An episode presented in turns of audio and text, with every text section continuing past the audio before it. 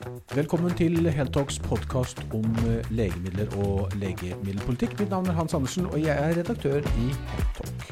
Mitt navn er Lars Brøk Nilsen, og jeg er journalist i Heltalk. Lars, hva skal vi snakke om i dag? da? Ja, i, nå, nå, har vi mye å prate om i dag, men vi har prøvd å koke det ned til, eh, til tre viktige saker. Eh, I denne episoden så skal vi bl.a. snakke om hvordan Sosialistisk Venstreparti, SV, som nå uttalt i mediene har vært imot blåreseptanbudet, nå har sikra regjeringen flertall for denne omdiskuterte anbudsordninga. Vi skal komme nærmere inn på det. Vi skal også snakke om eh, kapasitetsutfordringer for eh, behandling med CAR-T-celleterapi for eh, myelomatosepasienter. Eh, Og så må vi også en liten tur innom diskusjonen om eh, konfidensielle versus åpne priser på legemidler som eh, staten kjøper inn. Skal vi starte med blåreseptanbudet? Ja, Uh, vi, vi breaka jo en nyhet uh, i går, Hans. Første medie til å fortelle at uh, SV gjennom eh, denne eh, budsjettforliket som de har kommet med med regjeringspartiene, eh, så fant vi ut at eh, her er det ikke lagt av noe til, eh, til å, å, å fjerne eh, denne, denne foreslåtte anbudsordninga på blåresept. Det betyr at de eh, kommer til å gi regjeringen flertallsstemme der. Og det vil jo i, i, i all sannsynlighet uh, nå medføre at det, er, det blir uh, anbud på blåreseptlegemidler. Uh, dette har jo vært en langvarig diskusjon, Hans. Hva er egentlig saken her? Ja, saken er rett og slett den at eh, regjeringen eh, ønsker å spare penger på blåresept. Eh, de har eh, i dag eh, sparer de mye penger på sykehuslegemidler, men de vil også nå spare enda mer penger enn de allerede gjør på de legemidlene som vi får fra fastlegen vår, altså blåresept. Eh, og dette er jo en sak som ikke ble startet med dagens regjering. Det var Bent Høie, som vi husker eh, fra den borgerlige regjeringen ledet av Høyre, som startet dette arbeidet. Så eh, her er det jo eh, kanskje ikke bare SV som egentlig er for. Eh, nå treng, trengte regjeringen bare SV til som støtteparti på denne saken, men jeg tror nok at også Høyre er eh, i bunn og grunn positive til denne. Frp er sterkt imot. Og vi vet jo at det har vært snakket om potensielle store innsparinger her på, på flere ulike legemiddelgrupper. Og, og, og grunnen til at det her nå har blitt tatt opp som en øh, permanent uh, ordning, er jo det bakgrunnen i denne anbudspiloten som ble gjort på såkalte PCSK9-hemmere. Helt riktig, og den ble evaluert av Legemiddelverket nå for noen måneder siden. Eh, det var en lang historie bak den. Den var jo, En del av rapporten var hemmeligholdt, nå er den blitt åpent. Men eh, i det som vi ser ut av den, så er det jo ca. legemidler for en verdi av rundt 1,9 milliarder kroner som da kan anbudsutsettes, mener Legemiddelverket. Eh, Det vil nok eh, regjeringen og departementet lytte til. Eh, Og dersom man eh, klarer å få eh, legemiddelindustrien til å gi gode prisrabatter, så kan man spare opp mot eh, 40 av disse 1,9 milliardene kroner, som er jo da et betydelig beløp, sånn 600-700 millioner kroner, kan i det meste spares her.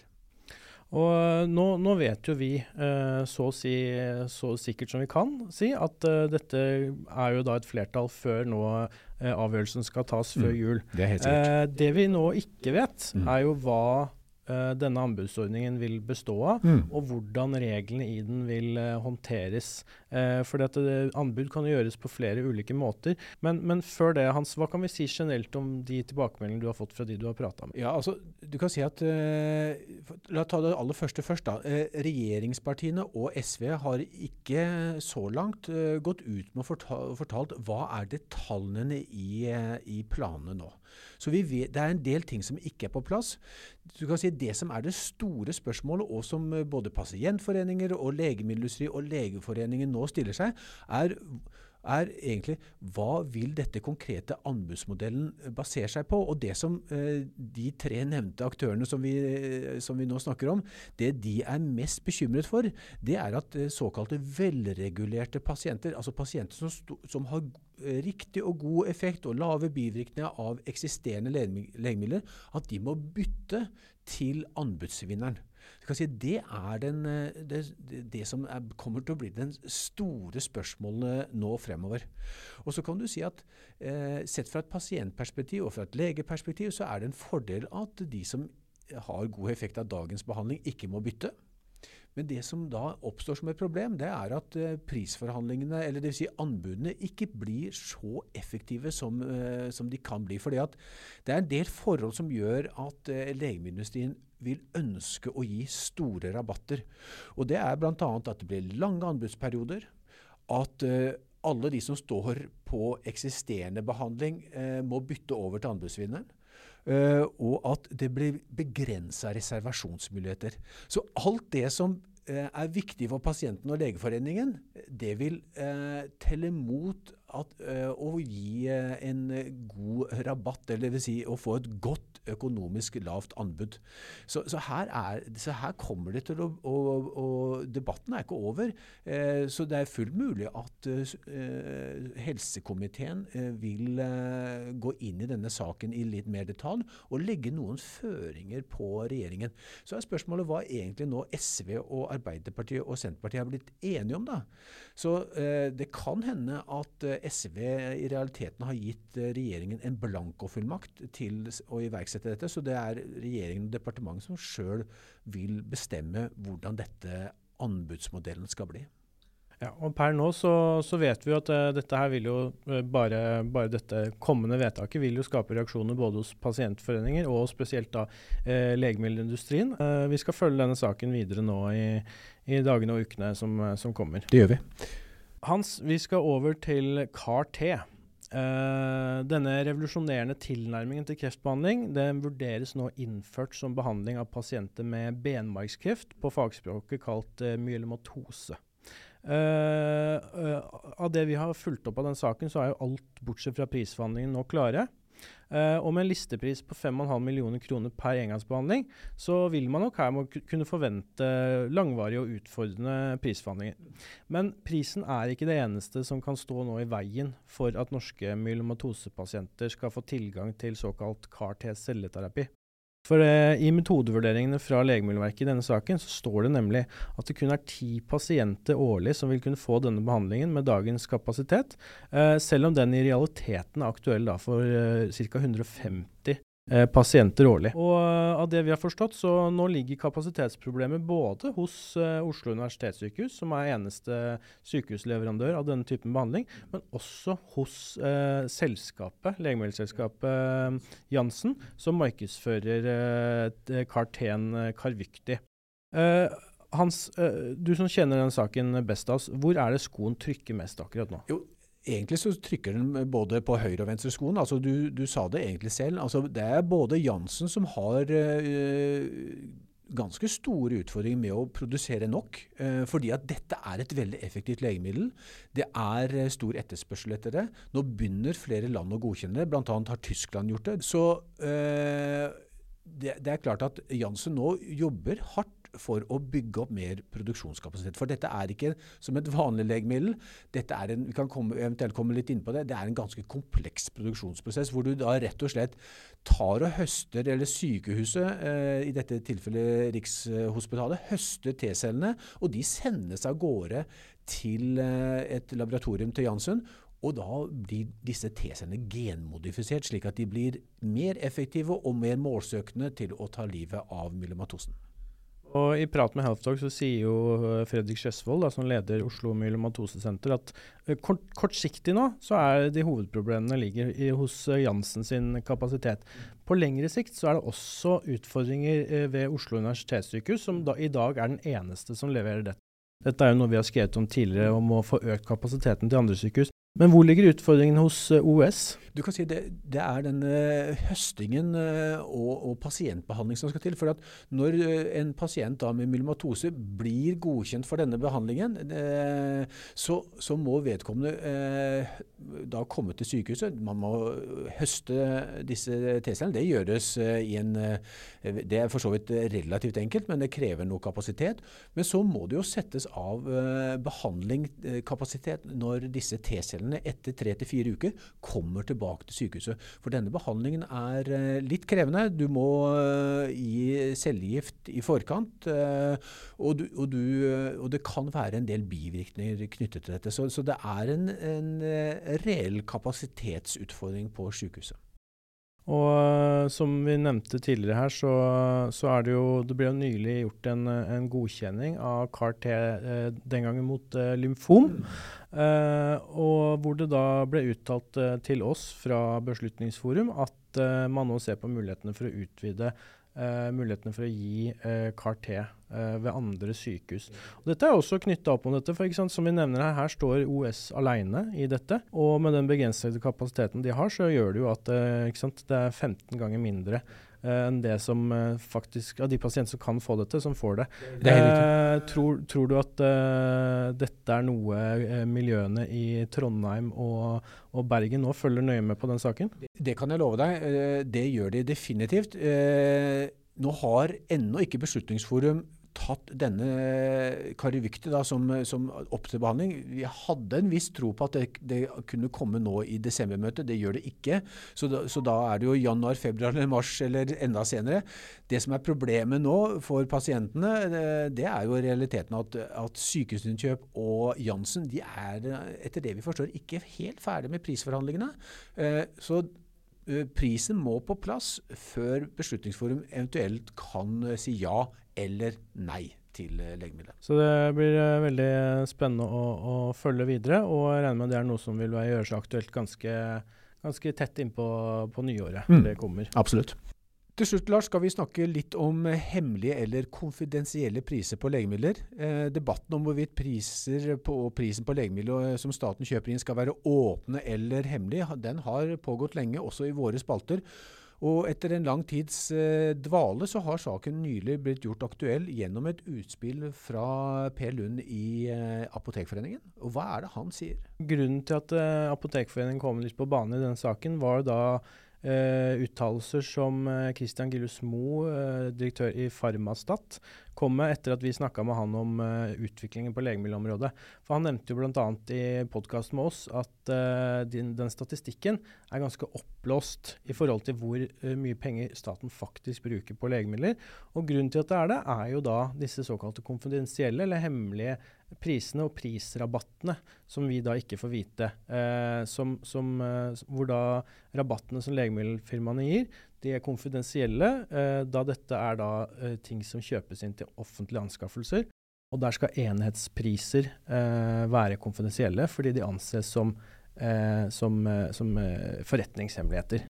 Det Apotekforeningen nå sier, er at de har lyst til å, å lufte dette her, og foreslo at man kunne se uh, på mulighetene for at man ett eller to år etter en, en anbudskonkurranse, eller endt anbudsperiode, uh, kan åpne priser, og kanskje også enda, på enda kortere sikt i tilfeller der det er generisk konkurranse, og der det er konkurranse i markedet med andre, andre, aktører. Så Det er jo bakgrunnen for det forslaget de kom med. Men det forslaget falt ikke i god jord hos Sykehusinnkjøp, der Bente Hai, som du snakket med, administrerende direktør der, hun tok knekken på det forslaget egentlig i første setning.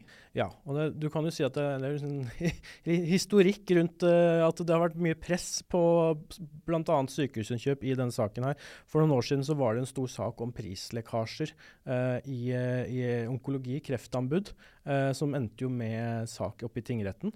Og, og, fellelse av sykehusinnkjøp i, i KOFA. Så, så, så, her var Bente Heis tydelig på, med en gang vi snakket med henne, det skal ikke være åpne priser på nye patenterte legemidler som kjøpes inn, altså som ikke har konkurranse.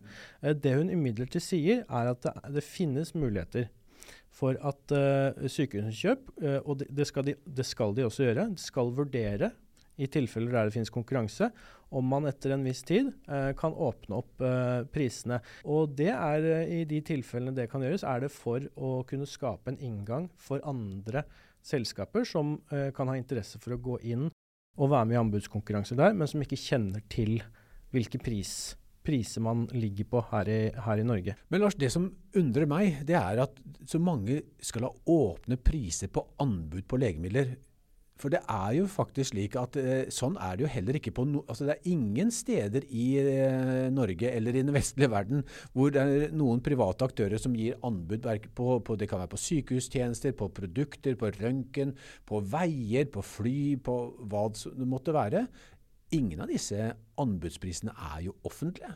Nei. så hvorfor, er, hvorfor, har man denne debatten i, eh, ja. på legemidler? Ja, og det, det, er, det, er, ikke noe godt uh, svar på det ennå, men uh, jeg, jeg, jeg, tror det har noe med den medieoppmerksomheten som legemidler har fått uh, den siste tiden. Og det er jo noe vi har snakka om tidligere, men hvis du ser farma- og legemiddelområdet opp mot andre områder på helsebudsjettet, så er det jo en veldig liten del av kaka, men som får en enorm oppmerksomhet på, på, spesielt da priser. og, og en annen grunn kan jo også være fordi det for noen år siden, tilbake til før sykehusinnkjøp, når man hadde LIS, eh, altså legemiddelinnkjøpssamarbeid, som så ble slått sammen med, med HINAS, eh, som da til slutt ble sykehusinnkjøp etter hvert, så var det en annen måte å gjøre ting på, og man hadde en mer åpenhet rundt slike priser. Eh, så ble det en innstramming, eh, altså at rett og slett man skulle følge de reglene som faktisk gjaldt. Eh, og det har nok gjort at fordi det ble gjort på en annen måte før, så har det blitt mer, eh, mer fokus på det i ettertid, og at ha, mange har lyst på å ha tilbake den åpenheten. Men, eh, men eh, sykehusinnkjøpssjefen Bente Høis gjør det veldig klart nå at det skal ikke skje. Det, men det har skjedd, og det skal ikke skje. Og Det er en klar forklaring på det, eh, tror jeg, og tenker jeg. Og det er at det er staten som ønsker dette. Fordi at dersom prisene er åpne, eh, Dersom prisene på anbud er åpne, dersom prisene på prisforhandlingene er åpne, så kommer man jo ikke til å få lave priser. Eh, da blir det et, et, helt, et, helt, annet spill. Så det som, eh, det som eh, myndighetene ønsker, det er det som kalles fangens dilemmaspill, hvor de, si, de i dette tilfellet to aktører, da, eh, ikke kjenner hverandres eh, priser, og da eh, har en tendens til å underby hverandre. Det er hele grunnen. Og, og, jeg har jo lagt merke til at i den offentlige debatten så snakker man om at det er legemiddelindustrien som ikke ønsker disse prisene. Nei, det er ikke der det starter. Det starter med staten, som nettopp for å få lavest mulig priser i anbud og forhandlinger, ønsker dette. Og så er det selvfølgelig slik at når det er slik, og, og, og legemiddelindustrien må gå dypt, eh, grave dypt i lommene sine og gi kraftige rabatter, så er de rabattene så, så veldig kraftige og store at dersom de blir offentlig for andre eh, land og andre stater, så er de redd for at denne prisen skal smitte over eh, f.eks. til Tyskland og Frankrike, Italia, Spania, som er viktigere marked for industrien. Og Det er jo nettopp de argumentene da LMI-sjef eh, Leif Rune Skymoen kom med i en av sakene vi hadde, at de er redd for hva dette kan gjøre med, med andre markeder. Og, og påpeker sant, hvor liten Norge er eh, i forhold til at vi har 5,5 eh, millioner mennesker her. Eh, de fem største markedene i Europa har da til sammen 300 millioner mennesker. Eh, det er andre hensyn eh, de må ta. Og Så kan jo man fortsette denne debatten etter hvert. Jeg regner med en del begynner å bli lei journalister som fortsetter å, ja. å grave i dette. Eh, men akkurat hoveddelen av dette er nå virker som kontant slått litt ned. Lars, vi må vel runde av, men når denne podkasten her kommer ut, så er vi, vi omtrent på vei til, i et fly til San Diego, hvor vi skal dekke verdens største hematologikongress, American Society of Hematology Ja, Det blir veldig spennende. og Det blir årets uh, siste tur. Vi er jo glad i å reise, du og jeg, Hans. Og, og vi slang inn en siste på tampen av året. Eh, og vi gleder oss veldig. Dette er jo da den største kongressen i verden for blodsykdommer, inkludert blodkreft. Eh, og samler jo 20 000-30 000 leger hvert år i, i, nydelige San Diego ved, ved, ved, ved kysten. Mm. Stillehavet. Og, Stillehavet. Og vi, vi, vi, gleder oss stort til det. I hvert fall til litt grann varmere temperatur? Ja, altså minus 15, Fra minus 15 til pluss 20, det høres eh, veldig, veldig bra ut. Men eh, med det så sier vi takk for nå, og så ses vi igjen seinere. Takk for nå.